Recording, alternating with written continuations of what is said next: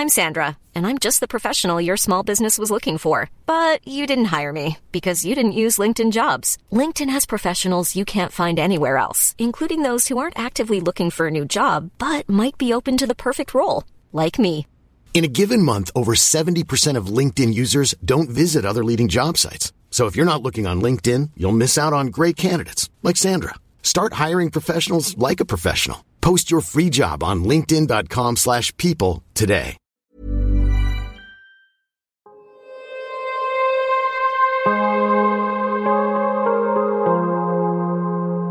Vores mentale sundhed er nedadgående, og det er til trods for, at vi aldrig har været rigere, aldrig har haft flere muligheder og aldrig har levet længere. Det skal vi selvfølgelig tale højt om, så vi kan blive klogere på, hvordan vi får det bedre. Podcasten her handler om, hvordan vi kan lykkes med at være gladest og friest muligt i det ene, ofte ret travle liv, vi har. Og den handler om, hvordan vi kan lykkes med at være både professionelt ambitiøse og passe på os selv på samme tid. Jeg taler med eksperter og privatpersoner om alt det, der fylder inde i os. Min erfaring er, at når vi taler højt om de ting, så opdager vi, at der er mange andre, der bøvler med de samme ting. Og jeg tror virkelig på, at vi kan lære af og inspirere hinanden ved at dele vores sårbarheder, erfaring og viden. Så velkommen til Vores Mentale Sundhed, en Mindcare Collective podcast. Jeg håber meget, at du vil lytte med, og at du følger med på min Mindcare Collective profil på Instagram, hvor jeg hver dag deler indhold til refleksion, motivation og inspiration. Jeg hedder Lea Helmand. I dag dykker jeg ned i et emne, jeg selv ved ret lidt om. Det er et emne, der altid har fascineret mig ret meget, men som min logiske hjerne har holdt lidt på afstand, tror jeg, på en eller anden måde. Ikke fordi jeg ikke har vil tro på det, men nok fordi jeg ikke rigtig har kunne kapere det, tror jeg. Emnet det er nok ikke så overraskende astrologi. Og i dag skal jeg tale med de to dygtige eksperter i astrologi, Marianne og Amalie, og de skal fortælle os om, hvad astrologi egentlig er, og vigtigst af alt skal vi tale om, hvad vi egentlig kan bruge astrologi til i forhold til at have det godt i livet.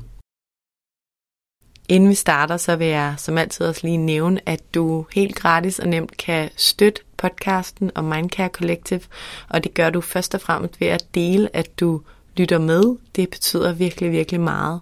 Du kan selvfølgelig også donere et valgfrit beløb til podcasten. Det gør du via MobilePay-nummeret 155503, som du også kan se i tekststykket under afsnittet. Og så er det altså også virkelig dejligt, hvis du rater podcasten og anmelder den, og subscriber til den, hvis du kan lide, hvad du hører. Det er alt sammen med til at støtte, at der kan blive ved med at komme nye afsnit. Tusind tak. Velkommen til Amalie og Marianne. Tak. Tak. Mange tak. Hvordan har I det i dag? Godt. Ja. Altså, lidt træt, men det er sådan en grundtilstand for mig lige for tiden, sådan her i januar. Ja, og du har også noget inde i maven, Jeg har sådan gør. en baby i maven. Ja, du er lidt mere træt måske. Ja, det er lidt, ja. tror jeg. Der bliver brugt nogle ressourcer. Men ellers har jeg det rigtig godt. Dejligt. Jamen det samme her. Altså, eller ikke, at jeg har ikke en baby inde i maven, men jeg er bare sådan lidt januar-træt, men jeg glæder mig også rigtig meget. Nå, det er godt at høre. Jeg har i hvert fald virkelig glædet mig til, at I skulle være med i dag i vores mentale sundhed. Og min podcast, den handler jo grundlæggende om at undersøge, hvordan vi kan få mest mulig glæde og frihed og mening i livet. Og den handler om, hvordan vi kan passe på os selv i den her fortravlede, moderne verden. Og jeg dykker ned i alle mulige emner, der relaterer sig til det formål. Og i dag skal vi tale om astrologi. Og det ved I to jo virkelig meget om. Og jeg er rigtig nysgerrig på det her emne, og glæder mig rigtig meget til, at I skal fortælle mig og lytterne lidt om det. Vi skal tale om astrologiens ABC, kan man sige, the basics, og så skal vi også tale om mit horoskop. Vi tager altså udgangspunkt i mig som eksempel og taler lidt om, hvad astrologien egentlig kan fortælle mig om, og hvad kan jeg bruge det her til i livet? Det taler vi lidt om for ligesom at, at ja, eksemplificere astrologien. Er I klar på det? Ja. Så klar. Dejligt. vi springer ud i det om et øjeblik. Inden vi gør det, vil jeg som altid gerne lige introducere jer. Lad os starte med dig, Marianne Gellert. Du er 35 år. Du har en kant med i spansk og dansk. Og udover at du har arbejdet som gymnasielærer og med kommunikation, så har du også taget en uddannelse i yoga, og så er du også astrologistuderende. Og du kommer fra Thy oprindeligt, men efter mange år i København, så bor du nu på Sydfyn for at være tættere på naturen. Det lyder dejligt. Og der bor du med din kæreste og din søn. Og så har I en lille en på vej ind i maven. Det er rigtigt. Ja, til april kommer der en til. Jeg er jo april, barn. Det er jeg også selv. Nej, det er du. Vi deler jo stjernetegn. Det kan vi komme ind på senere. Spændende. Amalie Bendiksen, du er også 35 år. Du har en kant design og har faktisk en baggrund som beklædningsdesigner. Du er uddannet astrolog, og du er opfostret af en mor, der også var astrolog i Rigskov. Men i dag, der bor du med din kæreste og din datter på Amager, hvor vi faktisk sidder og optager nu. Og I to, Marianne og Amalie, I har sammen jeres meget populære podcast, Astropod, og I har skrevet en bog sammen om emnet astrologi, og så står I også bag tv-serien Matchet på Mælkevejen, som er ret underholdende. Den fik jeg lige set fra start til slut. Den er, den er god. Med de ord, så tænker jeg, at vi springer ud i det. Lad os gøre det. Ja. Astrologi, det er jo et kæmpe emne, og vi har en time til at dykke ned i det i dag. Men hvis vi nu starter sådan lidt overordnet, kan I så ikke starte med at definere begrebet? Altså, hvordan definerer man begrebet astrologi? Det er et godt spørgsmål. Det er, Ja, altså overordnet set kan man jo sige, at det betyder læren om, om øh, hvad hedder det, øh, om at, at himmellemmer og stjerner har en påvirkning på os mennesker her på jorden. Ikke? Altså det er sådan læren om stjerne, mm. stjernetegn og ja, at det hele skulle, skulle påvirke hinanden. Ja. Mm. Og du, Amalie, havde en mor, der var astrolog. Hvad med dig, Marianne? Hvornår kom den her interesse for astrologi til dig? Altså, jeg tror, jeg har altid interesseret mig for det mere sådan spirituelle eller åndelige, kan man sige. Øh, jeg har også altid været interesseret i astrologi. Jeg tror, det opstod sådan meget som teenager, men, men det var ikke noget, jeg ægte dykkede ned i dengang. Jeg var mere optaget af sådan andre ting, sådan noget. Jeg var meget optaget af Danny Drogehyld og spiritisme og sådan nogle ting dengang. Men jeg vil sige, at det sådan, altså først rigtig tog fart, da jeg mødte Amalie. Fordi det var så sjovt at, at tale med dig om alt det, du vidste. og det var så fedt, du gad at snakke med mig om det. I fandt lidt soulmate i hinanden der. Mm. ja, der var en, der ikke bare var sådan, ej, det gider jeg ikke at høre om. Det er lidt for højt flyvende, ikke? Ja. Så det var sådan i, i 20'erne eller sådan noget, midt 20'erne, var det ikke det? Vi mødte hinanden. Ja, det var 2012, ikke? Så det er Så godt kan man selv spørgsmål om, hvor gammel man er. Ja, det er vel midt 20'erne. Ja. Mm, hvorfor tror I egentlig, at astrologien findes? Altså, hvem eller hvad har ifølge jeres overbevisning bestemt, at vi som mennesker, eller vores personlighed, skal bestemmes af stjernerne, eller påvirkes af det? Hvad tror man på inden for astrologien? Altså, jeg vil ærligt indrømme, jeg ved ikke, hvem hvad kan man sige, der opfandt den, eller hvis man kan bruge det ord. Altså, men vi ved jo, at den er 3000 år gammel. Og dengang det ligesom opstod, så var det jo, øhm, der var ikke forskel på, om man var astronom, eller om man var astrolog. Der var astrologien og astronomien det samme. Ja, for det var det her med at observere himlen, og det har mennesket til alle tider jo gjort. Kigget op og set, okay, der er stjerner, der er månen, det er jo det hele vores, altså alle kulturer i hele verden er bygget op omkring. Vores kalendere er bygget op omkring månens cyklus for eksempel, ikke? Og man har altid navigeret efter stjernerne. Så, altså, så på en eller anden måde kan man sige, det er sådan nærmest ældre end, end vi er. Og så er der selvfølgelig nogen, der har systematiseret det undervejs.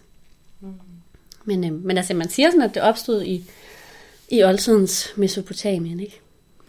Der, Men man kan jo sige sådan rent personligt, så hvis det er, hvad jeg synes astrologi er, eller hvad jeg tror på, eller sådan, så er det jo, øhm, så er det jo nok det der med, at vi er forbundet.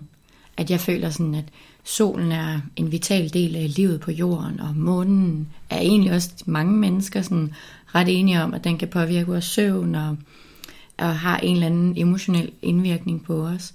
Øhm, og så øhm, er jeg jo bare ret åben for at den lidt holistiske tilgang, at øh, hvad det hedder, som foran, så, for, så ledes for neden. Mm.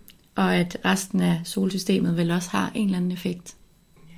Altså det er jo rent personligt. Ja. Jeg synes, det der med at kigge ud i stjernerne, altså når man er lidt ude for byen og virkelig kan se stjernerne og kigge op i himlen, altså jeg kan blive helt, både sådan helt amazed og forundret, men også lidt irriteret, fordi det derude var så vildt. Altså det er jo virkelig noget, vi ikke har et endeligt svar på, men som mm. er der, og det der med, om der er andre planeter, der også har liv, altså jeg bliver helt, det er så, det er så spændende og frustrerende. Det er jo sjovt, fordi det er jo sjovt, du siger, at det er frustrerende. Det bliver jo spændende, når vi skal dykke ned i dit horoskop. Fordi jeg synes jo, at det er det modsatte af frustrerende. Jeg synes jo, det er ekstremt øhm, beroligende at vide, at jeg er en del af noget større, og at jeg ikke behøver at kende alle svarene.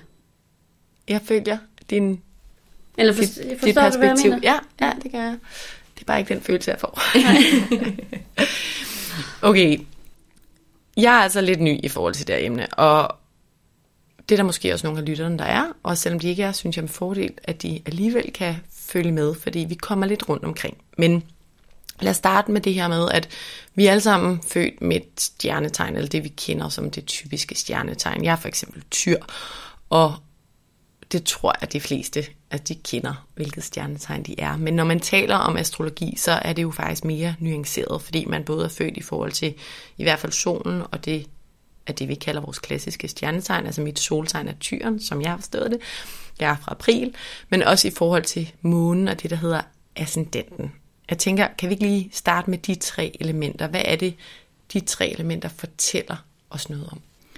Altså, jo, det synes jeg er en rigtig god idé, fordi det er også det, vi plejer at sige.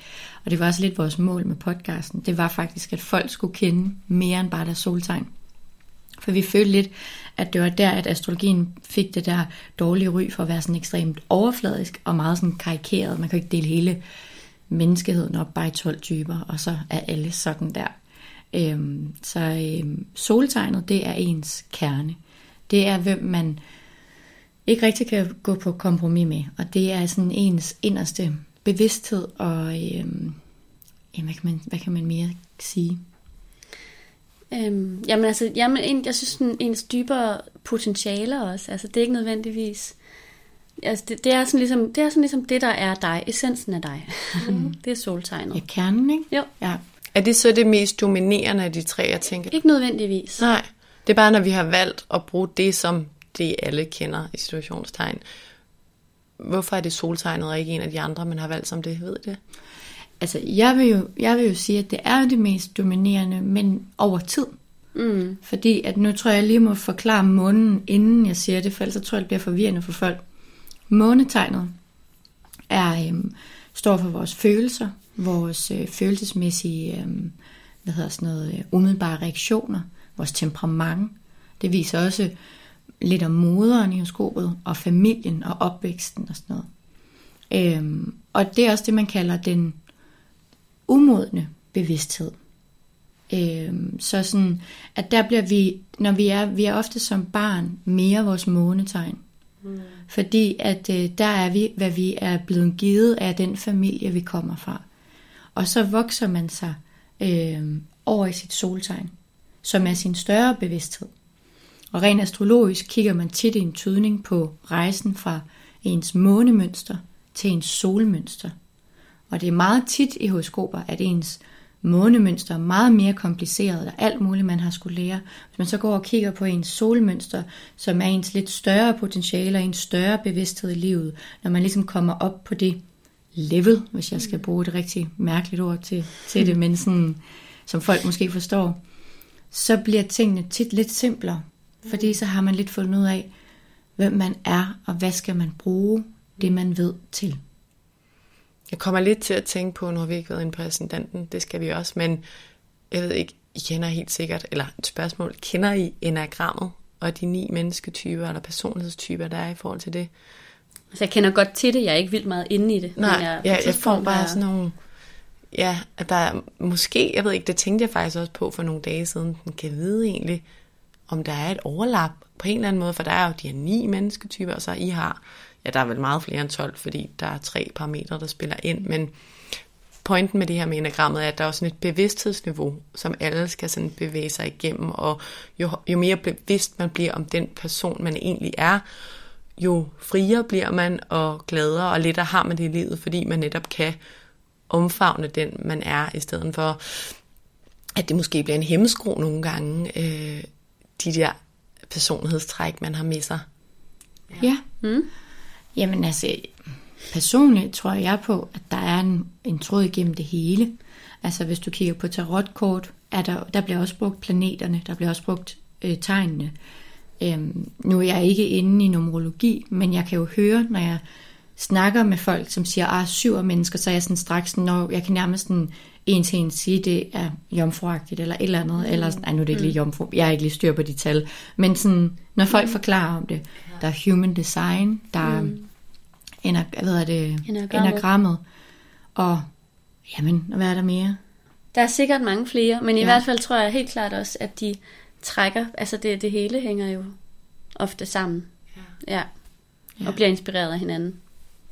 Det tror jeg. Ja. Men vi må ikke glemme ascendanten. Det må vi Fordi den er også rigtig vigtig. Ascendanten er kroppen, står den for i horoskopet. Det er sjælens bolig. Mm.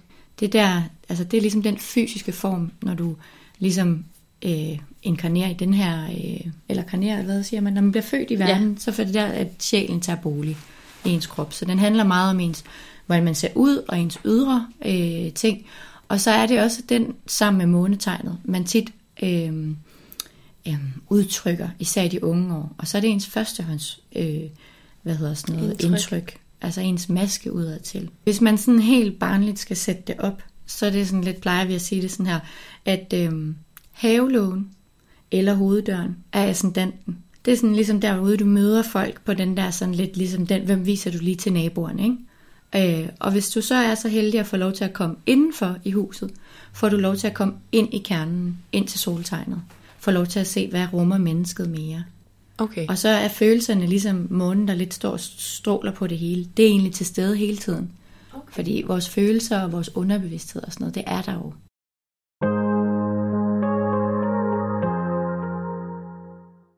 Så kan jeg også huske, at jeg har hørt jer sige noget med det her luft, ild og vand og jord. Er det noget, I kan forklare sådan? Ja, altså alle de 12 stjernetegn er jo inddelt i de fire elementer også, ikke? Så vi har jo, altså vi arbejder med, med ild-elementet, som er de her meget sådan igangsættende og øh, hvad skal man, initiativrige og sådan... Energiske. Ja, energiske. Mere udadvendte. Ja, det er rigtigt. Frembrusende. Mm. Ja. Så det, ja, det er ligesom ild, der repræsenterer det, ikke? Og så er der jord, som er mere... Øh, altså det, der kan du forestille dig jordforbindelse og ro og stabilitet, og måske sådan lidt mere traditionelt, sådan, ja, tryghed og sådan noget. Ikke? Der og mere tålmodighed. Ja, helt Hvor klart. ild er mere utålmodig. Ja. Øhm. Ja. Ja, og så har og så luft, altså som er øh, som handler om de, det er de mentale tegn, altså det intellektuelle og sådan det her med sådan ja, alt, der har med tanke og formidling at gøre.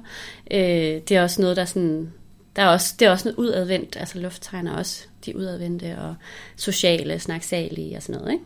Mm. Og så er der så vand, vandelementet, som, er, som handler om følelserne. Så det er sådan, det er fokus på, hvad skal man sige, Jamen det her med, altså der er sådan, alle vandtegn har, har virkelig gode billeddannende evner, og er ret kreative, og, og har sådan et rigt indre følelsesliv. Ja, det er ja. den indre verden mere end den ydre, ikke? Ja. Ja, ja. det vil jeg også sige. Ja. Er de fire elementer så koblet til soltegnene, eller hvad er de koblet til? De er koblet til stjernetegnene. Okay. Soltegnet er jo helt personligt. Det er jo, hvad person man ligger et horoskop på. Hvor stod solen? I hvilket tegn stod det, da du blev født? Men det er koblet til de 12 stjernetegn. Så det vil sige, at øh, ildtegn, der er det vædder, og det er løve, og det er skytte. Og jord, så er det tyr, jomfru og stenbuk. Mm. Og vand, så er det krebs, skorpion og fisk. Og luft, så er det tvilling, vægt og vandbærer. Okay. Og det vil jo sige, at hvis man så har et soltegn, eller et månetegn, eller en ascendant, i en af de øh, elementer, så vil man oftest også øh, passe godt sammen med andre af samme element. Mm. Fordi man har noget genkendelighed, og man har nogle ting, der minder om hinanden.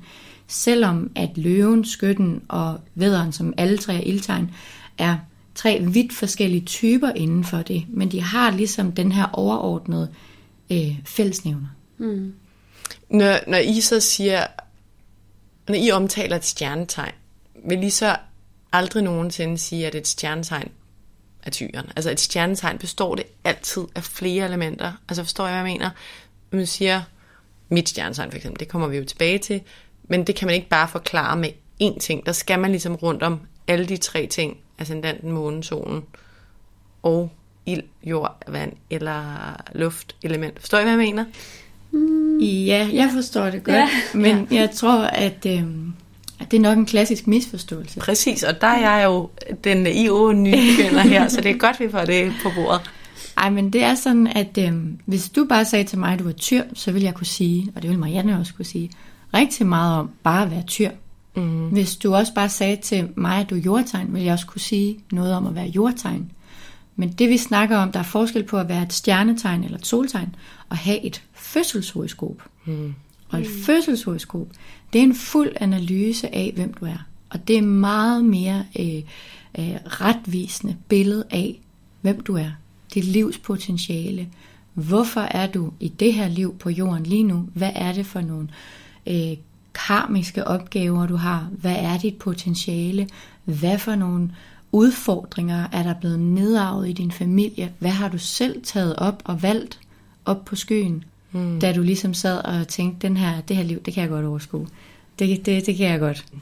Altså, og det er det, fødselshoroskopet kan. Og der er kæmpe forskel. Altså, fødselshoroskopet indeholder alt. Planeter, elementer, tager alle tegnene. Du har jo også noget i alle stjernetegn. Solen står bare i tyren hos dig, for eksempel. Så man har faktisk lidt af det hele. Der er bare noget, der er mere udtalt og dominerende. Ja. Hmm. Ligesom i øvrigt med enagrammet, til dem, der kender det. Hmm. I talte også på et tidspunkt i den tv-serie, jeg så, om, og jeg, jeg har også nævnt det i podcasten flere gange, men for at få det defineret her, de der huse der, det 10. og 11. hus og sådan noget, hvad, hvad er det for noget? Jamen, det er jo så livsområderne, så det er der, hvor, altså det er ligesom der, hvor, øh, hvor det hele udspiller sig. Så hvis du nu, for, og det handler også om fødselshoroskopet, altså det er ligesom, det er inddelt i de her 12 oste, som er de 12 huse, og så står de 12 tegn der også, ikke? Øh, i forskellige, øh, altså ja, forskellige steder, og så befinder planeterne sig rundt omkring. Så det er ligesom, så det handler om, hvad du, øh, ja, det handler om livsområder. Altså det er noget, man kigger på, når man ligesom dykker ned i fødselshoroskopet. Og hvis nu du, der ikke står noget i et hus, så betyder det ikke, at øh, livsområdet, altså for eksempel andet hus står for, for øh, hvad hedder sådan noget, penge og øh, person, person ressourcer. Ja, og sådan præcis. Og, øh, altså det er tyrens hus, ikke?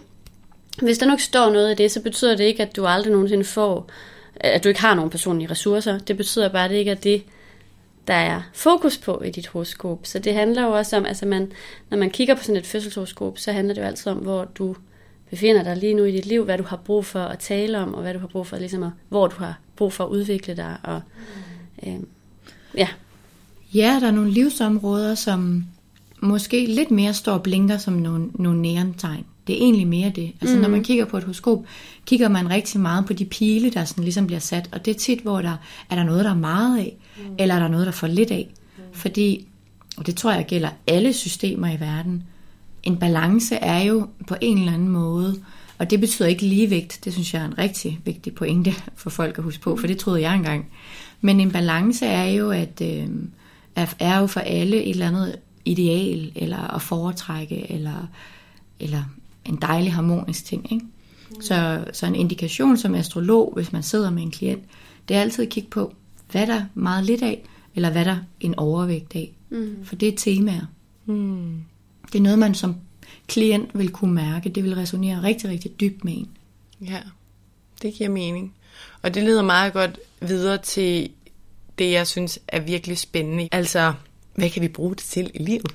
Fordi, som jeg nævnte i starten, så handler den her podcast jo om at undersøge og dykke ned i, hvordan får vi mest mulig glæde og frihed og balance og mening og sådan noget. Det er der jo rigtig mange, der gerne vil undersøge.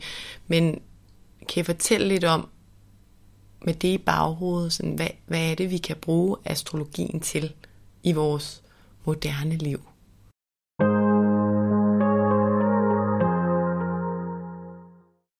Altså, først og fremmest, så synes jeg, at man kan bruge det til at lære sig selv bedre at kende. Man kan lære at forstå nogle dynamikker, nogle øh, ens udfordringer, og også ens sådan, styrker, altså både styrker og svagheder, øh, hvilket jeg synes er meget givende i sådan en personlig, på en, en personlig udvikling, øh, eller et personligt plan.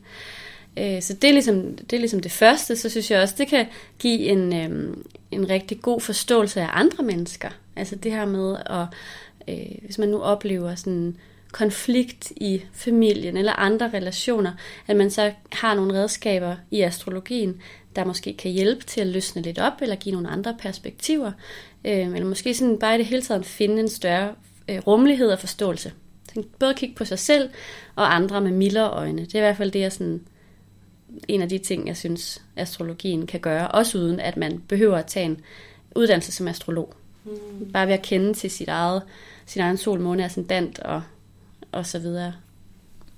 Altså jeg er helt enig, men jeg har også lyst til at tilføje, at jeg synes, i hvert fald en ting, som vi tit snakker om, jeg synes også, at det kan være et øh, sprog for at snakke om nogle ting, der er svære. Mm. Altså det der med, at man... Øhm, og det er jo måske der, hvor nogle gange nogen siger sådan, er det lidt en sovepude eller et eller andet. Men det synes jeg ikke, det er. Men jeg synes jo, det er dejligt at kunne øh, distancere sig en lille bitte smule, og ikke bruge ordene jeg og dig og mig og os, og, altså sådan, eller dem, eller sådan, for det bliver sådan tit som en, en, en følelse af angreb. Mm. Men det der med at sige sådan, ja, øh, min måne, eller min sol, eller et eller andet, og det er ikke som sådan en ansvarsafskrivelse, det er faktisk, eller fraskrivelse, mm. det er mere den der, at man som veninder kan faktisk komme ret dybt ind, eller partner, eller kollegaer, øh, ved at bare snakke om nogle af de her ting. Altså hvis du snakker med din kollega om sit månetegn, du får så mange ting at vide, du aldrig, du vil ikke være kommet dertil. Det vil tage mange år i hvert fald. Mange ture ud til kopimaskinen. mange, mange minutter ved kaffemaskinen, mange timer. Det synes jeg giver så god mening, og nu taler jeg jo bare med de referencer, jeg selv har, og har selv faktisk synes noget med personlighedstyper altid har været mega spændende. Da jeg var konsulent, så var det en whole brain profil, vi brugte, som var super simpel. Det var så også dens styrke i den kontekst, den blev brugt, og efterfølgende, altså jeg synes enagrammet er virkelig spændende. Jeg har også haft et afsnit om det, og igen, det er overhovedet ikke for at tale astrologi ned, det er faktisk kun for at fremhæve øh, ikke nødvendigvis lighederne, men at jeg godt forstår det med min baggrund, bare fra, ja, fra en anden vinkel. Men jeg synes nemlig også det der med, jeg plejer at sige, at jeg tror ikke, jeg ville være sammen med min mand i dag, hvis jeg ikke havde kendt til, det var så whole brain dengang, men fordi det, jeg satte ham ind i det også, og vi er bare helt vildt forskellige, helt sikkert også horoskopmæssigt, men at vi fik den der fælles forståelsesramme, så vi, som I også siger, vi kunne meget bedre tale om det, uden at gøre den anden forkert, men med sådan en meget bedre ja, forståelse og accept og anerkendelse af hinanden. Det var bare, det var virkelig fint. Og det fornemmer jeg også, eller har jeg også efterfølgende fornemmet med kollegaer, altså at forstå, det var jo igen så en, en anden type, et andet type redskab, man at vide sådan, okay, han er sådan en, der har 100 idéer i luften, og det stresser mig helt vildt, når vi sidder til en, en møde, fordi jeg skal bare have A, B, C, D, og det er slet ikke der, han er. Og det gav mig sådan overbærenhed, overbærenhed for lige den her kollega, og det, ja, det er ret fint, hvordan man kan bruge det i livet i hvert fald. Jamen, jeg er enig, altså der synes jeg, de kan minde meget om hinanden, ikke? Altså sådan, er du, øh, for eksempel bare, hvordan man kommunikerer med hinanden, ikke? Har man sin kommunikationsplanet Merkur i et vandtegn, jamen så handler det meget om følelser, så alt hvad man snakker om, det er sådan noget med, det skal på en eller anden måde følelsesmæssigt resonere og forstås. Men hvis man har det i et lufttegn, så handler det meget om sådan hurtighed, overblik og så videre.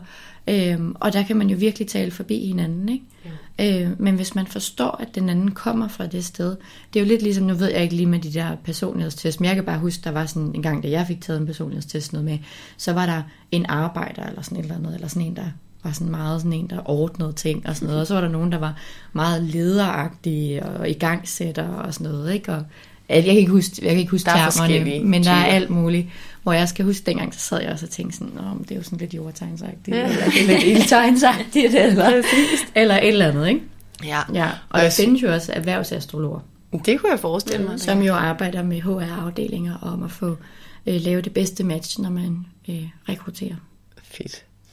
Og til dem, der har mere interesse i det her, så der er jo selvfølgelig jeres podcast, den tror jeg, de fleste kender til. Jeg havde ikke øh, faktisk selv lige stødt på tv-serien, før at vi begyndte at tale sammen, og jeg synes bare, at der, der, der er det jo måske også en kok lidt ned til bouillon, bouillonterning, men det er bare en, nogle rigtig fine forklaringer, I kommer på, så man jo ser på de her par, der er matchet op på deres øh, øh astrologi eller deres horoskop. Og det, øh, til dem, der er interesseret, kan jeg virkelig anbefale at se med der for gode eksempler. Inden vi går videre til at tale om mig og mit horoskop, er der så andet, vi, vi skal have nævnt her fra astrologiens ABC. Igen, nu har vi jo begrænset tid, men er de vigtigste elementer blevet, blevet nævnt? Hmm, jeg tror, de vigtigste elementer er blevet nævnt, men jeg tror, jeg vil sige til alle, at øh, det er meget sådan, øh, altså, og det er ikke for at tale nogle af de andre systemer, vi har snakket, enagrammet eller human design, men det er måske det kan godt virke som en uoverskuelig verden, når man starter på det. Fordi jo mere man ved, jo mere finder man ud af, man ikke ved. Og det er nærmest sådan en uendelig øh, tilbygning af levels. Og det er også derfor, at jeg nogle gange tror på, at der er opstået nogle af de andre systemer, som ikke er lige så gamle som astrologien, fordi det er på en eller anden måde ikke forsimplet, men det er blevet mere håndgribeligt. Mm. Så jeg vil bare sige, at hvis man starter med at dykke ind i astrologien, må man ikke lade sig overvælde og jeg synes bare, at man skal tage, hvad man kan bruge, og lade resten være. Og så kan man, man vil lige så stille få bygget på. Altså, det, man behøver ikke at suge sig afsted og kunne det hele på en gang. Det, det, det tror jeg bare, man skal have den respekt for det. Mm. Ja. Så man ikke føler sig sådan helt lagt ned. Ja. Ja, det, det er den ene ting, og så, men det har vi måske også fået slået fast, men det der med, at det er vigtigt at kigge på andet end bare sit soltegn, ikke? eller et stjernetegn. Mm. Så minimum solmåne er sådan dansk, vil vi sige. Ikke? Ja, jeg tror også, da jeg spurgte før i forhold til stjernetegnet, var det bare, er det, altså, er det helt rigtigt at sætte streger mellem stjernetegn og soltegn? Altså er det det samme? For jeg troede faktisk, når man sagde stjernetegn, at så var det misforstået, at det kun var tyren for mig, men at stjernetegnet faktisk var meget større. Men så kalder man det så ens fødselshoroskop. Eller stjernetegn og soltegn er det samme, kan man sige. Ja, ja både og. Fordi stjernetegn er jo bare et, altså det er jo, det er jo en betegnelse for det stjernetegn, og der er 12 stjernetegn. Mm. Øhm, og øhm, soltegnet er jo på en eller anden måde nærmere en betegnelse af, hvor står den person, man snakker med sol i horoskopet i hvilket stjernetegn står solen. Mm. Ja. Og det er der, det bliver dit soltegn. Øhm, hvis det giver mening. Jeg forstår. Ja. ja. ja. Om det er godt at få nuancerne på plads. det er derfor, jeg er jo.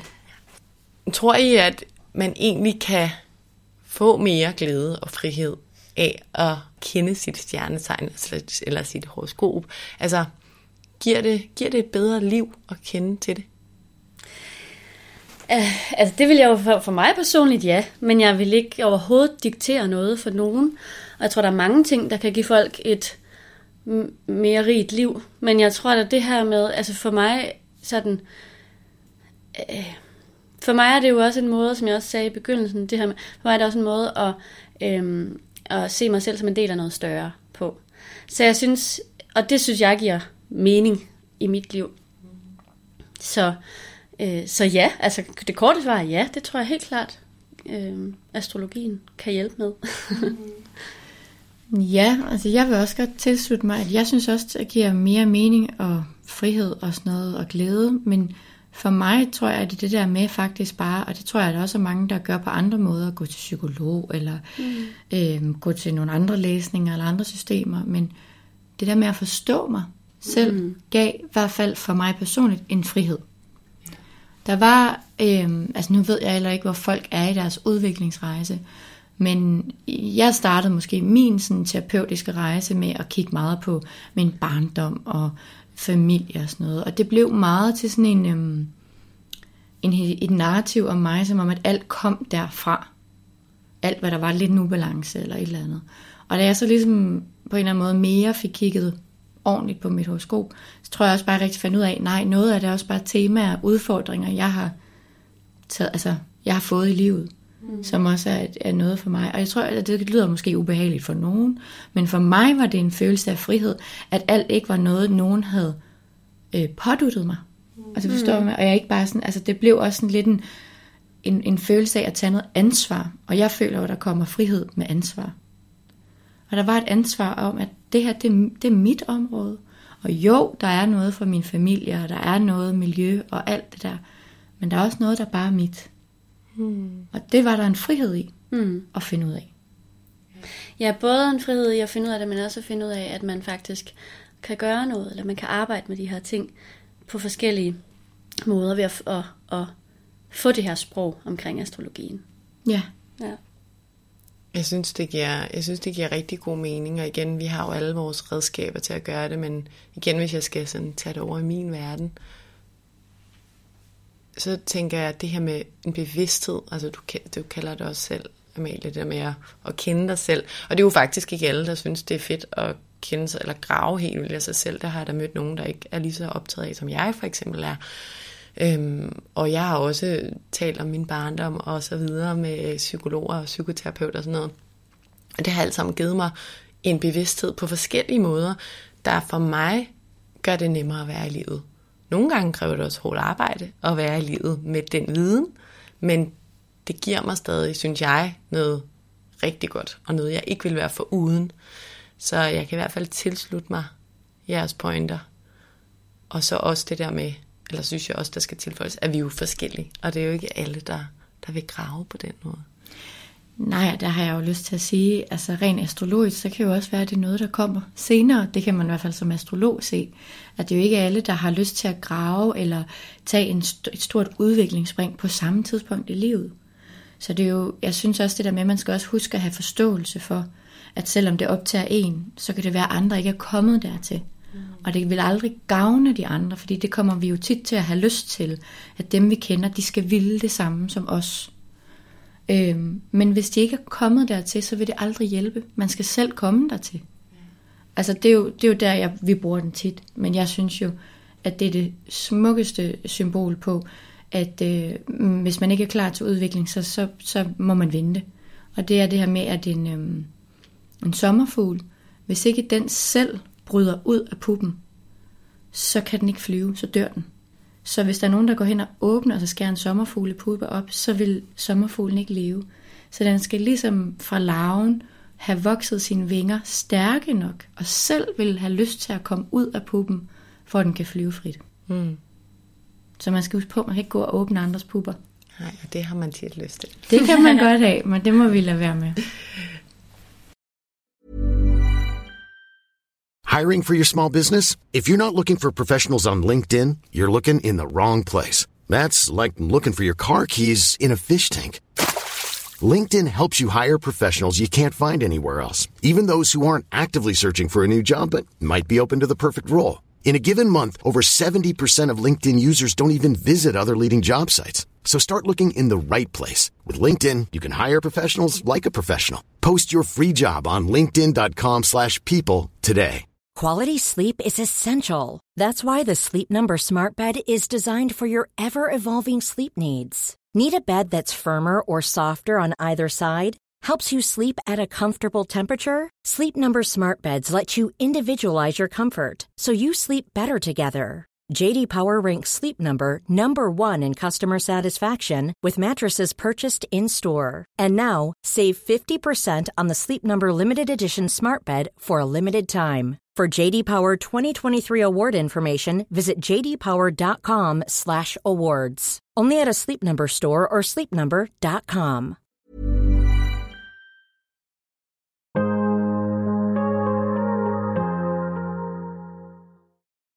Okay, så er vi nået dertil, hvor vi skal tale lidt om mig. Og lige inden vi gør det, så, så kommer der lige et, øh, jeg vil kalde det djævelens advokat spørgsmål. Det tænker jeg, man godt må spørge eksperter om, som jeg. Jeg skulle give jer mit, øh, min fødselsdato og år og tidspunkt, jeg er født på. Den er jeg nogenlunde sikker på. Jeg håber, at det er den rigtige, jeg har fået fat i. Det kan vi komme tilbage til. Men hvis det der fødselstidspunkt er så vigtigt, fordi I sagde, at det er faktisk inden for fire minutter, mm. at man kan afgøre ascendanten, så vidt jeg forstår, så tænker jeg tilbage på min fødsel. Og hvad hvis jeg lige, du ved, havde presset lidt mere i, eller lidt langsommere, og det lige havde taget, nu siger jeg, tre ekstra pres og få min søn eller datter ud. vil det så virkelig ændre mit barns personlighed? Kommer jo rigtig meget an på, hvor den ascendant står. Ja. Så hvis den stod på en skillelinje mellem, det er fordi, det gjorde dit. Okay. At du var, det du oplyste os til at starte med, så var det meget svært at vide, om du er stenbuk eller skytte ascendant. Mm-hmm. Så der var minutterne vigtige. Men det er ikke sikkert, for din ascendant gennemsnitlig. Der er nogen, der er hurtige, der er nogen, der er langsomme. Men det er cirka to timer. Okay. Så det kan godt være, at de fire minutter ikke havde den store effekt der. Men det, det er egentlig mest, hvis man for eksempel gerne vil øhm, kigge på det, der hedder prognose i et horoskop. Prognose, det er, hvor man ligesom kan sige, hvor er du lige nu i dit liv? Hvad påvirker dig lige nu? Eller hvad sker der? Eller sådan ting, der sådan har noget at gøre med dit fødselshoroskop versus hvordan himlen bevæger sig. Det er sådan meget præcist. Og der er det rigtig, rigtig vigtigt, fordi der er de her få grader, det betyder år. Så hvis jeg skal sidde og sige, at der sker noget for dig, hvis den så er en grad den forkerte vej, så sker det faktisk måske først om et år. Så det, det er mere, når vi kommer derhen til. Eller hvis man er født med, med en, lige på skillelinje mellem ascendant, eller lige på skillelinje mellem vores soltegn og skifter stjernetegn. Mm. Så, så det er derfor, det er uhyre vigtigt. Så det er egentlig mest for, at jeg kan sidde med en tryghed, eller Marianne kan mm. sidde med en tryghed, om at det, vi siger til dig, er korrekt. Men vil det så sige til de skeptikere, der måske lytter med, eller matematikere, jeg har lyst til at politterne derude, så vil I faktisk hævde, at hvis man kommer, du ved, de minutter forskelligt, eller på den ene eller anden side skillelinjen, så har det faktisk en afgørende betydning for vores liv og vores personlighed. Altså om det er det ene eller det andet, der kommer ud på det tidspunkt. Altså forstår I mit spørgsmål? Hvis det er, på en skillelinje, så er det jo en afgørende. Okay. Altså der er der en stor forskel på en stenbuk ascendant eller en skytte ascendant. Ja. ja. Jeg spørger kun, fordi jeg forestiller mig, at der er nogen, der har... For jeg er sådan en, jeg hopper i det med, med begge ben. Jeg synes, det lyder så spændende, alt det her. Jeg sad forleden dag til min veninde og prøvede det der, og det virker så rigtigt, og, og hun var lidt skeptisk. Men det er jo helt okay at være skeptisk, og jeg har det jo også sådan, at vi prøver jo ikke at overbevise nogen om noget overhovedet. Man må jo tage det, man kan bruge. Men, men, men hvis vi, altså vi er jo nødt til sådan, også som astrologer, er nødt til at sige, jamen det er sådan her, det er. Ja. Og nu er det den her præmis, vi arbejder ud fra. Og, og hvis du kan se dig selv i det, så er det jo fantastisk. Hvis ikke du kan, så kan det være, at du skal finde, så skal du måske bruge enagrammet i stedet for, det ved jeg ikke, hvad de regner efter. Eller sådan. Altså, så det er sådan ligesom, ja, man kan godt sidde, altså man kan faktisk godt sige sådan, det, er, det, er jo, det har en afgørende betydning. Ja. Det er forudsætningen. Det er forudsætningen for mm. det system, vi arbejder ud fra. Ja, ja. så er godt at ja. få det på bordet. Jeg håber, det er okay. det er helt okay. Jeg spørger om de her ting, som jeg forestiller mig, at nogle lyttere kunne, kunne have lyst til at spørge om. Okay, så er det mig som eksempel, vi skal tale om. Og som jeg har nævnt før, så er der helt sikkert rigtig mange af mine lyttere, der har lyttet med til Astropod afsnit før. Men det kan også være, at der er nogen, for hvem det er helt nyt. Og hvad end det er det ene eller det andet, så tænker jeg i hvert fald, det kunne være sjovt, det her med at eksemplificere det, vi har talt om med mig som eksempel. Så hvad kan I fortælle mig om mit horoskop? Om mig?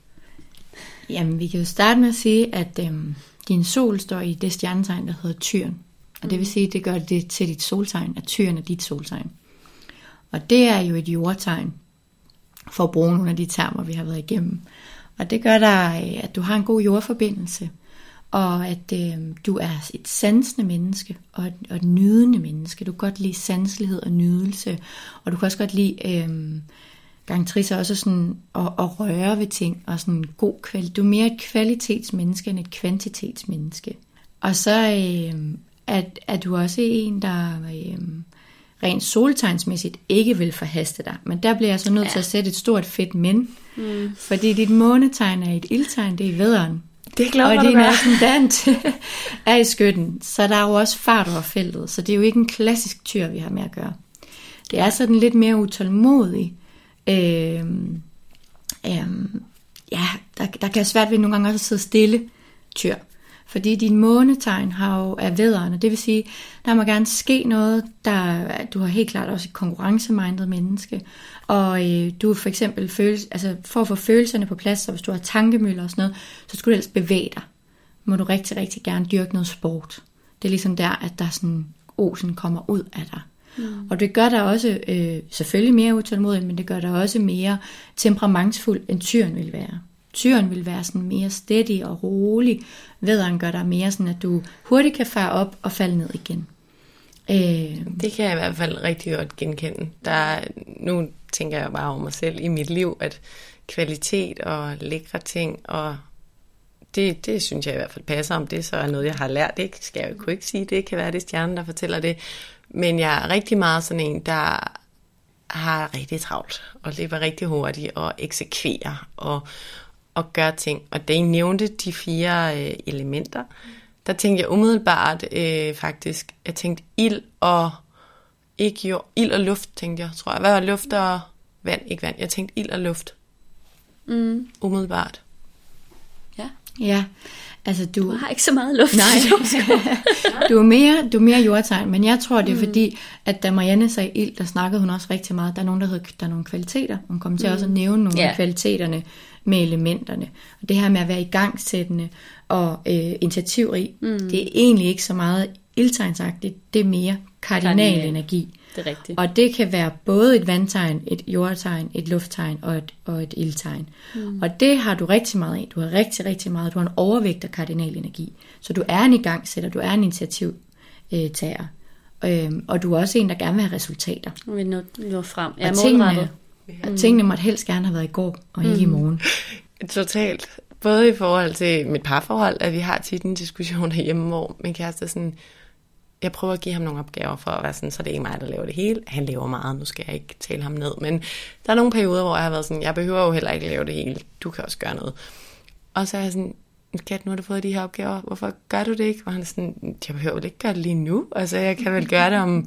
Altså, så er vi begyndt at sådan, okay, så laver vi en deadline om to måneder, hvilket er helt sindssygt for mig, for jeg vil jo helst bare gerne have det ud af vagten, ikke? Men det er sådan en måde, at vi, vi finder ud af det på.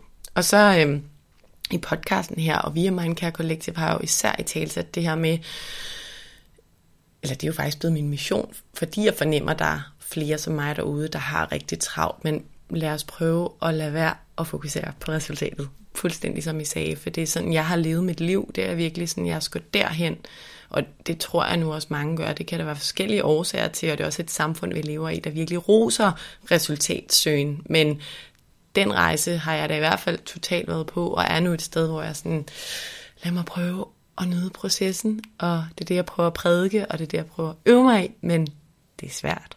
Mm. Men det er jo rigtig flot, fordi vi ved jo allerede om, at du er bevæget dig fra dit månetegn til dit soltegn. Det er jo, fra, det er jo et bevidsthedsniveau, mm. du er på mm. vej. Fordi tyren er jo meget mere optaget af processen. Mm. Øh, ja, selv, og væren. Og væren, altså, ja. ja. Væren og nyden. Ja. Øhm, øh, men altså, du har jo også en skytteascendant, den må vi jo også komme ind på. Ja. Mm. Og din skytteascendant er jo også en, der sådan er ret udadvendt, hvor soltegnet, tyren er lidt mere indadvendt, ikke? Øhm, men er egentlig sådan, virker, når man møder dig ret udadvendt, enormt glad og optimistisk og sådan meget ja-agtig. Øhm, så er det også en, der er sådan forholdsvis spontan og fleksibel. Øh, og det er tyren jo ikke. Tyren kan bedre lide, hvad den kender. Mm. Og sådan lidt mere traditioner og sådan noget. Ikke? Øh, det må godt være det der lidt trygge, ja. vi kender. Hvor at, sådan er, er skytten jo ikke.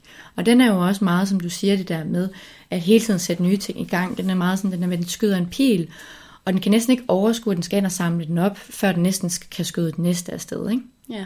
Den vil gerne bare hele tiden skyde en ny pil afsted. Ikke? Sådan, Øhm. Men det kan godt være det der med, at der så både er noget stabilitet i tyren, som jeg hører, og så alligevel også noget i gangsættende. Altså, for jeg kan godt mærke, at jeg har begge ting i mig. Når jeg tænker på mig selv, så vil jeg rigtig gerne i gang sætte, men jeg vil faktisk rigtig også gerne også gøre færdigt. Præcis. Helt sikkert. Altså, det er jo, altså, på en eller anden måde kan man jo sige, at det er en indre konflikt, mm. men det kan jo også være et rigtig, rigtig øh, øh, fint samling. Fordi at, øh, jeg tænker også, at altså jeg kan, eller vi kan se, at du når rigtig langt med ting. Fordi du jo netop både har den her proces- og resultatorienteret tyr, som kan lide stabilitet og tryghed og ordentlighed. Og så har du den her igangsættende vædder, og du har den her eventyrlige, øh, øh, hvad hedder det, sandhedssøgende skytteascendant, som sådan hele tiden vil ekspandere på det indre eller det ydre plan. Og samtidig med, så har du også soltegn jo i tyren, så du kan heller ikke lige minus på kontoen, så du skal også på en eller anden måde have styr på det mm. hele. Øhm, og så er du skjult stenbuk. Hvad betyder det? øhm, Det betyder, at man kigger på, hvor har du en overvægt i elementerne, hvor har du en overvægt, altså flest i, øh, i kvaliteterne. Mm. Og der har du flest kardinale, det er den der igangsættende, initiativrige, sådan meget målrettet, og så har du flest i jord. Mm. Og det jordtegn, der er kardinal, det er stenbukken, og dem er der kun et af blandt de 12. Mm. Så derfor får du et skjultegn, der hedder stenbukke. Det vil sige, at du kommer til at også være meget øhm, præget af at virke stenbukkeagtig. Og det er netop, jeg synes, det er meget sjovt, at du har brugt ordet mission mange gange. For det er jo nærmest sådan et lighedstegn med stenbukken. Ja. At have en mission eller et mål. Være sådan forholdsvis resultatorienteret, men også forestille sig vejen derhen. Så ikke bare løbe mod målet, som vædermånen gerne vil, men, men sådan meget planlæggende og realistisk, og øh, sådan sætte det lidt op, sådan at man ved, at det er et opnåeligt mål. Mm. Men også er sådan karrieremindet og ansvarsfuld og ambitiøs og alt det der. Jamen, det, det lyder til mig. det lyder til mig, taler om. ja, og det er meget, altså nu igen befinder jeg jo mig et sted i mit liv, hvor jeg virkelig har taget et nyt valg, og her har jeg været i lidt over et år. Men, eller og, jeg kan virkelig se, hvordan sådan, det har ændret noget ved mig, og ture læne mig ind i noget, der har mening. Altså for mig det der med, jeg løb hurtigt før, det gjorde jeg virkelig, men jeg havde det egentlig ikke super godt. Altså på mange måder havde jeg det godt. Jeg havde ikke jeg havde ikke et dårligt liv, og jeg havde det ikke dårligt, men jeg havde sådan nogle kroniske bihulsmerter, jeg har talt højt om mange gange i podcasten her. Altså, jeg havde bare nogle, jeg blev syg hele tiden i forbindelse med en cyklus. Og sådan. Så det der med, jo jo, jeg løb hurtigt, og det gik godt på papiret, men nu hvor jeg læner mig ind i noget, jeg er så meget mere passioneret for, og jeg kan se en mening med, og sådan, så har jeg jo stadig de samme egenskaber. Jeg løber hurtigt, jeg eksekverer, sådan, men det er bare på en meget bedre måde. Mm. Jeg ved ikke, om det giver mening. Altså det der med, der det pludselig er der mening med det. Ja, på en helt anden måde. Det giver jo rigtig god mening. En af de største årsager til stress er, at man løber hurtigt, men man ved ikke hvorfor. Mm. Mm. Hvis man løber hurtigt, og man har en følelse af mening, ja. så giver det ikke lige så meget belastning på nervesystemet. Det er stadig vigtigt at holde pauser jo selvfølgelig, men der er jeg glad for, at du har den tyresol, du har. Ja, jeg synes ikke, den kommer så meget til udtryk. I sagde noget med, at jeg havde svært ved at sidde, på, sidde stille på et tidspunkt. Var det, det var... Er månen. Det var ja. Den er meget udtalt. Mm. Ja, jeg tror, det ville være godt måske at, at prøve at huske din sol lidt. Jeg prøver også. Altså selvom det også er vigtigt, når med sådan en vædermåne, er det helt klart vigtigt at bevæge sig og være i gang, for det er også den måde, du føler dig tryg på og slapper af på. Så den må slet, slet, slet ikke underkendes. Men jeg tror bare sådan, når du nu har, altså, når du nu har mm. det soltegn, du har, så, så er det også vigtigt at nære det. Den sol skal næres, altså ligesom, det er jo sådan, det, det skal vandes, passes på. Så, så det, og tyrens tegn handler rigtig meget om, øhm, det er sådan, altså når man taler yoga-filosofi, så er det sådan yin-energien, altså modsat yang. Mm. Så det er den modtagende, den sådan mere passiv på en eller anden måde, uden at det skal være negativt, men sådan, og det feminine, mm. altså det her med det modtagende princip, Venus-princippet. Det er også Venus, der styrer, altså det hersker planeten for tyren. Så alt, hvad der har med nydelse og sanslighed og jamen, selvomsorg, øh, det, er, det er jo vigtigt for de fleste mennesker, men især med sådan en sol i tyren, den skal altså også næres lidt. Ja, og det er jo også det, jeg er blevet meget bedre til det her mm. sidste år, hvor det er gået op for mig. Det er jo også noget, jeg prædiker til andre og virkelig øver mig i. Samtidig er jeg ærlig omkring, at jeg har svært ved det, men jeg kan jo virkelig mærke, at det, altså, det er jo det, der har gjort, at jeg ikke har smerter mere. Det er, at jeg ikke skal ræse afsted om morgenen. Jeg kan faktisk arbejde hjemme, og jeg kan tage nogle mini-meditationer i løbet af dagen. Jeg kan gå en tur i skoven. Altså, tag de der pauser og forstå også, jeg behøver ikke at have i sagde også noget med, at jeg var ekstrovert. Det er i hvert fald noget, jeg, eller social og åben, og det er også altid det, jeg får at vide. Og jeg elsker at være sammen med folk. Men jeg har også fundet ud af, at jeg kan faktisk rigtig godt lide at være alene også, og mm. holde pauser og ikke have sociale ting. Det har tyren rigtig meget brug for. Det er jo dit soltegn. Ja. Det er jo kun din ascendant og din måne, som mm. lader op ved at være ude og gøre ting og sådan noget, men der er jo også en stor del af din indre kerne, som bare siger, jeg har brug for pauser. Jeg har brug for natur. Det var ja. godt, du siger, at du går ture i skoven. Ja. og brug for at tjekke ind rent kropsligt. Mm. Øhm, altså, ja, hvis jeg må sige noget mere om dig, Lea. En ting, jeg bare lige tænker på, inden du gør det, det er måske det der miljøelement, som vi jo ikke kan underkende. Altså måske har min opvækst og det miljø, jeg har været i, og jeg blev sådan en rigtig 12 pige, og det var det, jeg blev rost for, og fremad videre, det har måske lidt underkendt min tyr. Altså, jeg havde også i hvert fald en mor, ikke en far, der ikke kunne finde noget at slappe af. Det kunne han godt. Han sad meget og læste bøger. Men jeg tror, jeg spejlede mig meget i min mor, som aldrig sad stille. Og så, så hele det der nu, det er ikke, fordi jeg skal give min mor skylden for noget. Det er bare et vilkår i mit liv. Altså, jeg har svært ved det, fordi jeg måske ikke har fået næret den der mm. tyre sol. Men altså, din mor står jo også i vædderens tegn. Altså, det er månen. Det er jo din mor. Det er klart, der er fart på. Ja, den familie, den opvækst du, opvækst, du har haft, der er din følelse også blevet målt i resultater. Mm. Der er jo blevet målt i konkurrence om at være den bedste. Så der føler du dig jo på en eller anden måde tryg, når du opnår at føle dig som den bedste. Hvordan kan I se det? Fordi din måne står i vædderen. Ja. Interessant. ja, og jeg tror, jeg har, jeg har dyrket min fortid meget, og nu bliver det meget personligt det her, men det er okay for mig. At, øhm, jeg har tænkt meget over min barndom, og egentlig synes, jeg har haft en rigtig, rigtig kærlig barndom. Og det synes jeg også er vigtigt, når man taler om det her med barndommens rolle, at vi ikke nødvendigvis skal pege fingre af vores forældre, men mere forstå, det er det, vi har med os. Og mine forældre kom fra Tjekkiet til Danmark, hver især, og skulle ligesom etablere, de mødte hinanden i Danmark, og skulle etablere et liv. Og jeg tror ikke så meget, det har også været det sagte. Altså, jeg har helt klart fået ros for for eksempel gode karakterer. Men jeg tror også rigtig meget, det er det, jeg har set. Altså, apropos det der med, hvad, hvad gør vi som forældre? Hvad ser vi vores forældre gøre? At især min mor, altså, hun løb hurtigt, og hun løb selv efter præstationerne, og ville gerne præstere, og gjorde det rigtig godt på jobbet, og det, det, det øhm, betød meget for hende. Så også det der med, nogle gange er det ikke nødvendigvis, hvad vi siger, eller jo, jeg følte mig elsket, men jeg kunne jo se, at det, der var vigtigt især i hendes liv, var at præstere. Ikke? Det var bare en point, jeg lige kom til at tænke på med alt det her miljømæssige. Ja. Ja, det er det, du har lært. Mm. Mm. Ja, det er jo vigtigt til alle forældre, at det er jo oftest, hvad vi viser, og ikke hvad vi siger, vores børn, de lytter efter. Mm. Så vi kan sige nok så mange gode ting, men vi bliver nødt til at være et godt eksempel. Walk the talk. Præcis. Mm. At det kan være rigtig svært at efterleve. Så det er jo også, når vi sidder og siger det her, så sidder vi jo ikke som en astrolog og sidder og siger, puha, ej, hvor er det forfærdeligt, du fik en vedermåne. Fordi det har også givet dig rigtig meget. Det har også været med til, at du opnår rigtig mange ting i dit liv. Og, og det er jo ikke dårligt at være konkurrencemindet.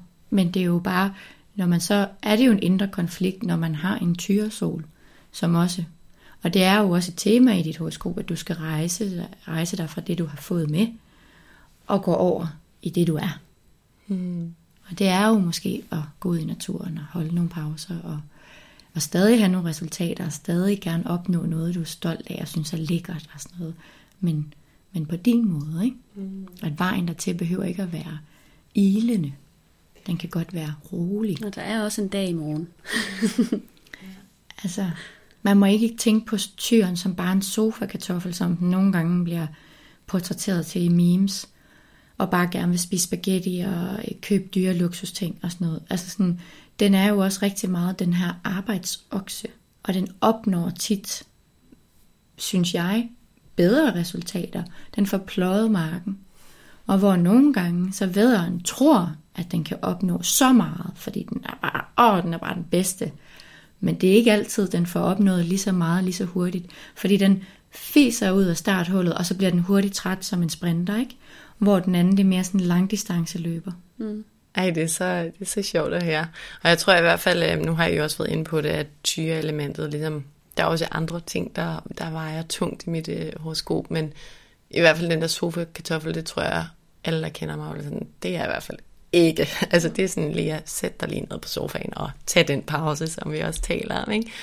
Men nu er det sjovt. Og jeg får lyst til at sige til dem, hvis der er nogen, der lytter med, der er lidt skeptiske og sådan, ah, horoskoper, det er bare generelt, og det, det, det, det kan vi komme lidt ind på, hvad jeg svarer til det, men de kan jo passende prøve at sige, alt det, I har sagt nu, passer det på dem? Fordi det passer jo i hvert fald 90% virkelig godt på mig, så det er en meget god øvelse, tænkte jeg lige til, til dem, der er kritiske derude.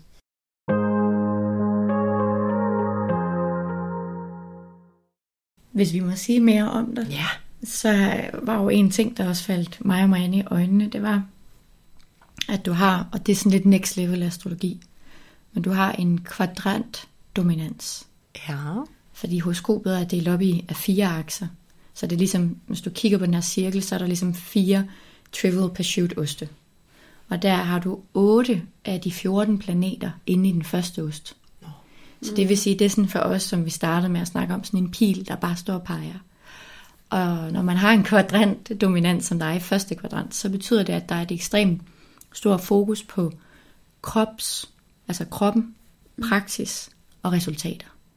Kroppen, praksis og resultater. Ja. Ja, kroppen er enormt vigtig for dig, og, og, og det kan både have noget at gøre med sygdom, men også på andre måder at få styrket den, og at ting skal udføres i praksis. Og så også meget resultatfokuseret, mm. orienteret. Altså at det giver, det giver mening for dig at se noget blive til et produkt. Altså det er sådan, Ja, det er ja. væsentligt. Ja. Jeg tænker, lad os starte med kroppen. Der, øh, der føler jeg i hvert fald, at jeg er- er meget et kropsmenneske. Altså også i mit forhold kan jeg godt lide nærhed og sådan. Det er Fysisk berøring. Ja, det er mit, øh, en af mine kærlighedssprog, ikke? At være tæt, og det er virkelig tosomhed for mig. Og så også det der med sundhed, altså det har, jeg har altid gået op i det. En ting er at spise sundt, men også sådan nu med det mentale at være sund, og ligesom få det bedste ud af vores krop og sind, men altså det vi bærer på, både ude og inde i det hylster vi har, og sådan få det bedste ud af det i livet. Mm, og så den med praksis, den, det, det ved jeg ikke helt. Altså jo, det tænker jeg. Jeg ved ikke, om jeg synes, det er udtalt mm, i forhold til andre. Øhm, den, den skal jeg lige tænke over. Altså jeg synes jo, det giver sådan... For mig, jeg tænkte på det her med, at du faktisk har øh, startet din egen podcast, som er din, og jeg ved godt, at men altså, det er jo faktisk også et produkt, der mm. det bliver til noget. Det er dit, du kan se det for dig. Altså det ligger lige der. okay. Det er her. Du kan, det er til at, til at føle på. Ja. Det er sådan noget, jeg ser meget som sådan en... Noget, der jeg kommer til at tænke på, når du siger det, er en af de sådan oh, red flags, jeg altid havde i konsulentlivet. Det var sådan, vi arbejdede rigtig meget B2B, eller det gør den virksomhed, og det, øh, der er gode projekter og gode budgetter. Og jeg var altid sådan, ej, kan vi ikke godt arbejde med noget, jeg kan identificere mig med? Altså noget, jeg kan se for mig. Og det var aldrig, du ved, øh, ja, B2C-produkter, for dem, der ikke ved det, business to consumer, altså de der produkter, vi selv køber i butikken, det var altid altså at lave pro- pro- projekter for en virksomhed, som sælger noget til andre. Og da jeg sagde op, var jeg faktisk, nu skal jeg ud i en virksomhed, hvor jeg kan mærke produktet. Det er det. Ja, Og men det det, der, det giver så god mening, og jeg var sådan, det skal helst være noget, måske noget mad, noget grøn mad, noget bæredygtighed, noget jeg selv går op i, noget jeg selv spiser, og noget, altså, det var bare et eksempel. Det var faktisk en stor ting, øhm, så der kan jeg virkelig se det. Men det er jo, altså jeg synes jo, det du fortæller med, at du har behov for at lave din praksis på daglig basis. Du har behov for at spise sundt. Du har behov for at lave dine meditationsøvelser. Det er for mig enormt meget praksis. Mm. Øhm, så jeg synes jo, at det du har skabt, Mindcare Collective, taler enormt godt ind i krop, praksis og resultater. Fordi du vil ønsker jo også at give dem, der lytter, og dem, der følger med på Instagram, et resultat. Du har lyst til, at de skal kunne forbedre noget, eller få et resultat af en effekt ved at have en praksis med kroppen på en eller anden måde. Og så står din Mars, som er arbejdsplaneten, jo også i andet hus. Så det er jo enormt vigtigt at give mening for dig at have et arbejde, som har noget, hvor du deler ud af egne ressourcer, og hvor det netop har noget, der har en eller anden fysisk værdi, altså som du siger, et eller andet, du kan få i butikken, eller noget, du konkret kan give videre til andre. Det er i hvert fald noget, der virkelig har været et bærende element i hele den her proces, og hele resultatdelen, den, den vil jeg slet ikke udfordre, fordi der er jeg bare all in, og det er så rigtigt. Og jeg har talt også tit med veninder om det der med at bringe mig selv på banen, som jeg jo gør rigtig meget. Altså, Mindcare Collective er jo, altså jeg er en stor del af det, for det, i starten tænkte jeg, at jeg skal slet ikke lægge noget billede eller video ud af mig selv. Det er bare Mindcare Collective, og vi gør det her, sådan i tale satte jeg det i det første post, og var sådan, det holder ikke. Altså jeg er nødt til at ligesom formidle mig selv, og det er jo også et valg, at man tager, og jeg overvejer stadig sådan, hvor lang tid skal det blive ved, men jeg kan virkelig mærke, at det er der, jeg også får energi, altså jeg kan godt lide det, som jeg siger, det der med at dele ud af erfaringer, og det synes jeg bare bliver rigtig autentisk og virkningsfuldt. Ja. Ja. Det synes dit horoskop også. Det- det er så bliv ved med det. Brug, brug egne ressourcer Mm. øh, i dit arbejde. Det tror jeg vil gøre dig glad på. Og også succesfuld på den lange, på den lange plan. Men jeg synes også, at nu har vi også fået tegnet sådan et billede af dig, hvor at vi har meget snakket om den her, altså ildenergi, og så versus den her jordenergi, som godt kan virke sådan lidt, øh, hvordan kan man sige det, sådan nærmest lidt corporate på en eller anden måde, eller sådan lidt resultatorienteret og sådan noget. Jeg synes jo også, at det er vigtigt at, at sige, at øh, du er jo også et sensitivt menneske. Og man kan jo også godt se, at når du bliver stresset, så kommer du til fysisk at blive syg. Din krop vil bære det resultat. Ja, okay. Så du skal passe på dine nerver, ikke? Ja, hvordan, kan, hvordan siger horoskopet, at jeg er sensitiv? Din måne er aspekteret til øh, Neptun og, og Uranus, som mm. så står i første hus i stenbukken, ikke? Og det vil sige, at du er både sådan en, der kan mærke stemninger, selvom folk de står med ryggen bag til dig. Øhm, og du er også sådan en, der næsten kan ikke læse tanker, men du kan sådan fornemme også, sådan, hvad der foregår lidt mentalt hos folk. Og det vil så sige, at øhm, det er sådan en blanding af at elske mennesker, men alligevel ikke helt kunne holde ud. Fordi du sådan tager meget ind på en eller anden måde, er der ikke helt så meget fedt på nerverne, og der er meget åbne kanaler. Så du skal jo også have brug for den her alenetid til at fordøje det, ellers så bliver det lidt overbelastet, dit nervesystem. Øhm, og så betyder det jo også, at hvis du sådan følelsesmæssigt er ustabil, så vil, vil din nervesystem blive påvirket, og du vil vise stress, stresstendenser. Ikke? Og omvendt, hvis du er meget stresset, vil du følelsesmæssigt føle dig utryg og utilpas. Ikke? Øhm, og, og så fordi det så alt sammen står i, i første hus og i stenbukken, så vil, når de her de er i ubalance, så vil det vise sig på sit nervesystem, og det vil give dig øh, øh, også, også hvis du har ubalance, så vil det give dig, altså rent psykosomatisk vil det vise sig som et, et en, en, hvad kan man sige, så vil det vise sig som sygdom i din krop, rent fysisk. Altså, jeg I meget... knoglerne, eller i smerter, eller, øh, ja. Ja, i, eller i stress.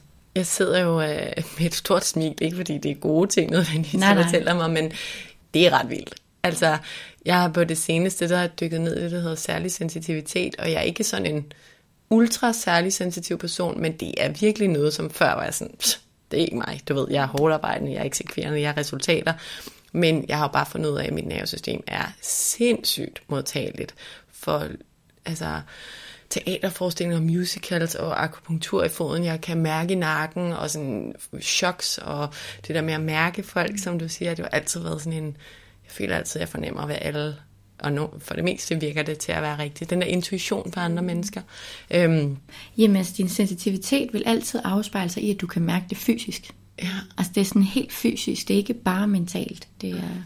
Og også, altså, jamen jeg, ja, altså også når jeg kører i trafikken, og hvis der er sådan et eller andet brændes op, jeg tror, alle får et chok, men jeg, altså det er så ubehageligt i min mave og min krop, og jeg er sådan, okay, lige ryst, ryst lige, fordi nærmest på vej på toilettet, bare der er en, der bremser op foran mig. Altså, det er simpelthen så ubehageligt. Mm. Og dem, der har fulgt med mig på min rejse her og har hørt min podcast, der har jeg virkelig nemt min bihuler mange gange, fordi det har været sådan en fireårig, hvis ikke flere år, syv måske faktisk egentlig. Altså sådan en ting, der bare var i mig. Det gjorde bare ondt, og hele tiden så, altså, og det, jeg blev undersøgt på alle måder. Der var ikke noget derinde. Og nu i en ny livsstil, og jeg passer på mig selv, så har jeg ikke ondt. Så i hvert fald, altså, jeg, jeg køber det 100 procent.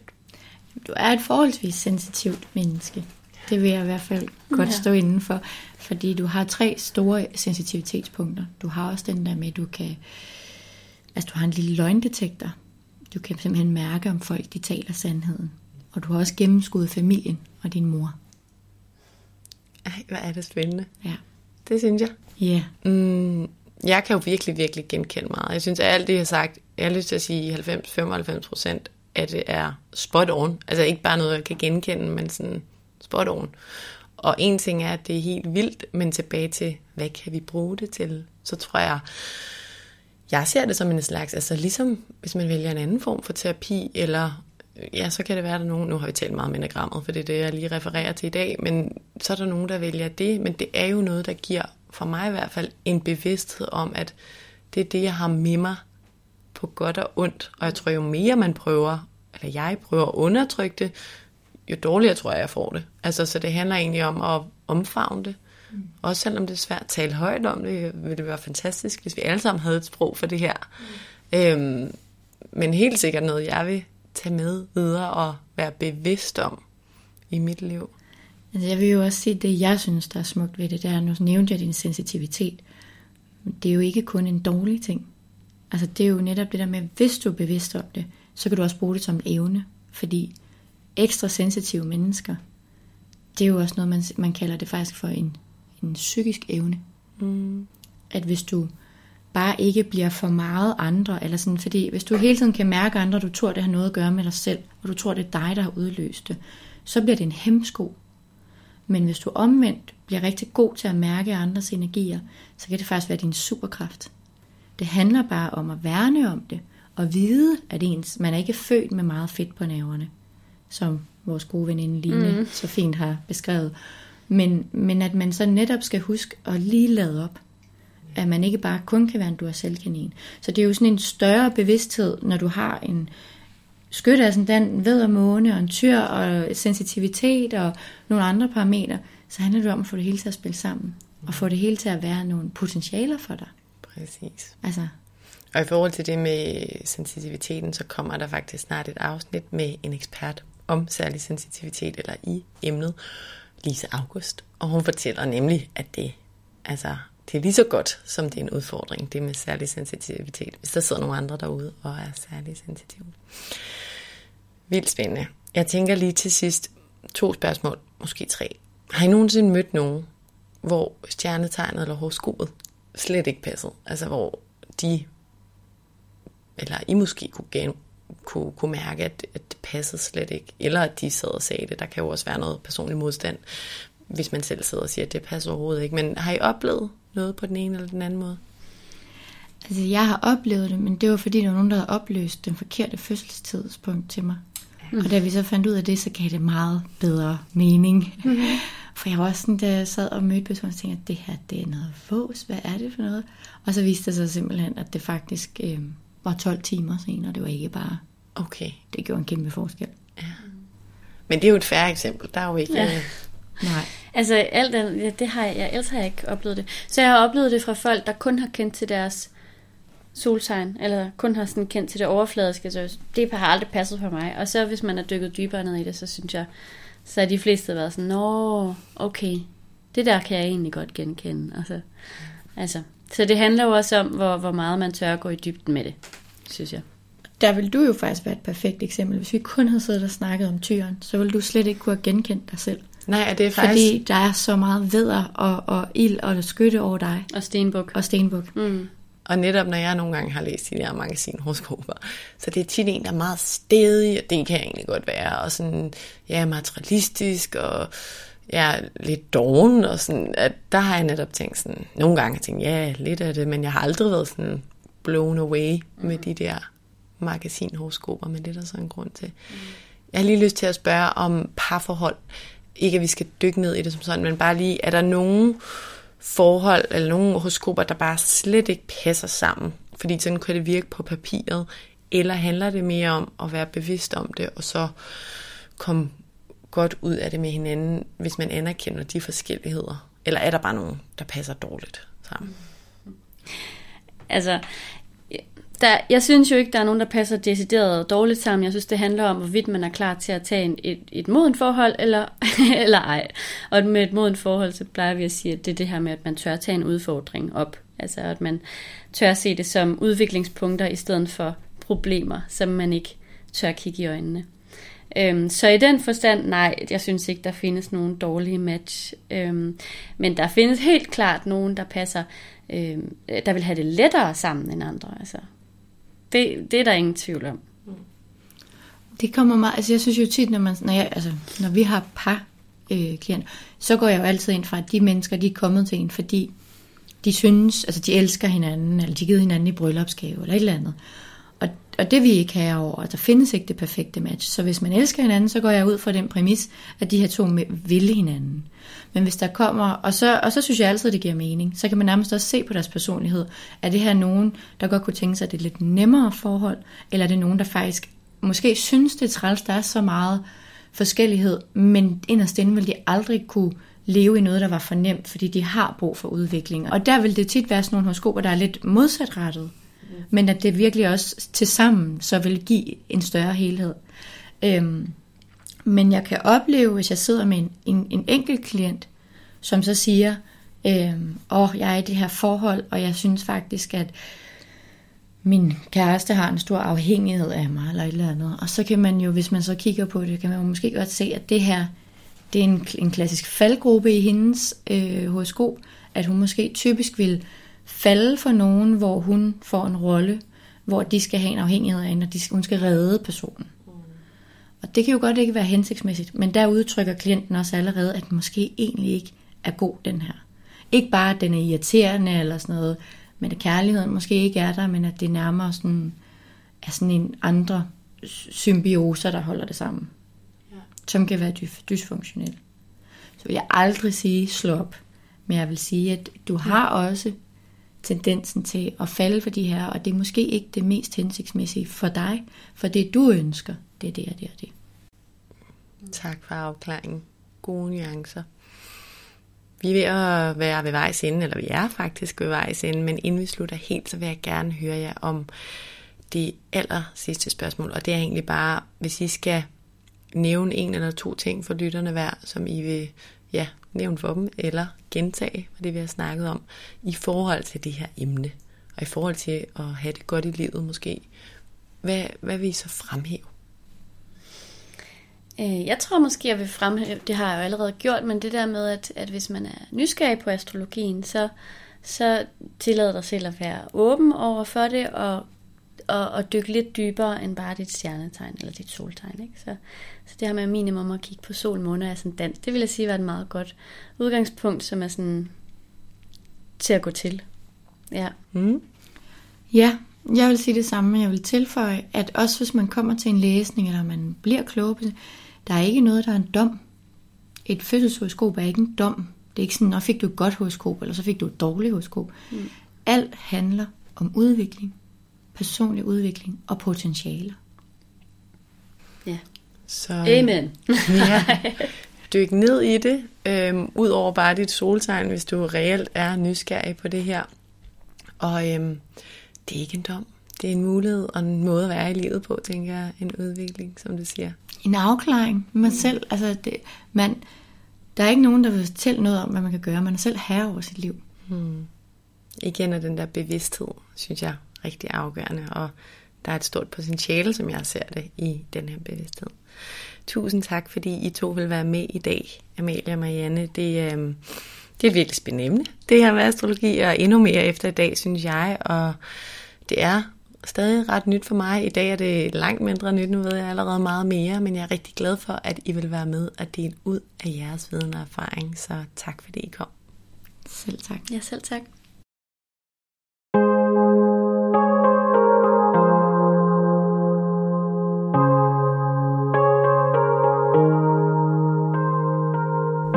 Indrømme, at da jeg besluttede mig for, at Marianne og Amalie skulle lægge mit horoskop, der frygtede den person inde i mig, som aldrig vil have, at tingene bliver akavet. Det er en lille smule. Jeg var lidt bange for, at de ville sige noget, jeg bare ikke synes passede på mig overhovedet. Men altså, jeg havde tydeligvis ingen grund til bekymring. Om man tror på astrologi eller ej, så var det altså ret vildt, hvad Marianne og Amalie kunne fortælle mig, som jeg oprigtigt selv synes passer virkelig godt på, hvem jeg er og hvordan jeg er i livet. Og det synes jeg altså er ret fascinerende. Og jeg tror, at dem, der kender mig, vil være enige. Og selvom min logiske hjerne ikke sådan 110% vil tro helt på det, så er der noget i mig, der alligevel køber helt ind i det egentlig. Og altså, jeg synes, at det er en ret fin tanke, det her med, at der er noget mellem himmel og jord, som er meget større end os selv, og som er noget, vi måske ikke behøver at forstå 100%. Jeg nævnte bevidsthed et par gange i afsnittet i dag, og det gjorde jeg, fordi jeg synes, det er vigtigt i forhold til det her emne.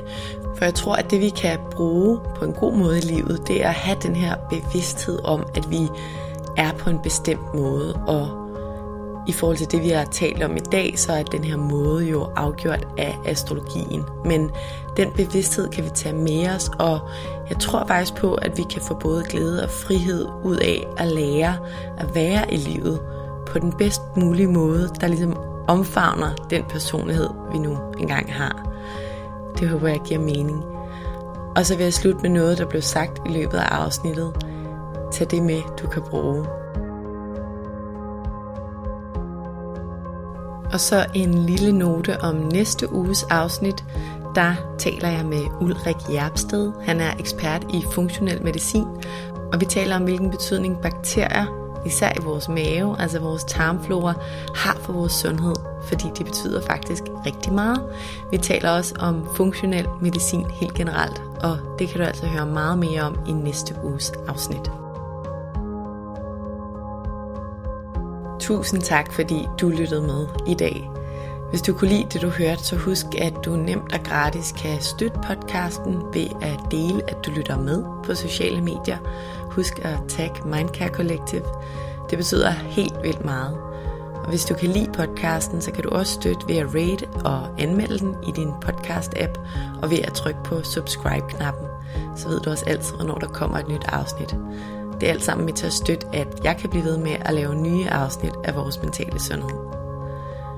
Som det sidste vil jeg også bare som altid nævne, at du selvfølgelig er velkommen til at række ud, hvis du har noget på hjerte, eller hvis du har nogle særlige emner, du godt kunne tænke dig at få belyst i podcasten.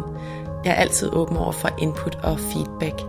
Du kan kontakte mig via min Instagram-profil Mindcare Collective, hvor jeg øvrigt håber, at du følger med. Eller du kan skrive til mig via min hjemmeside mindcarecollective.com. Tak fordi du lyttede med.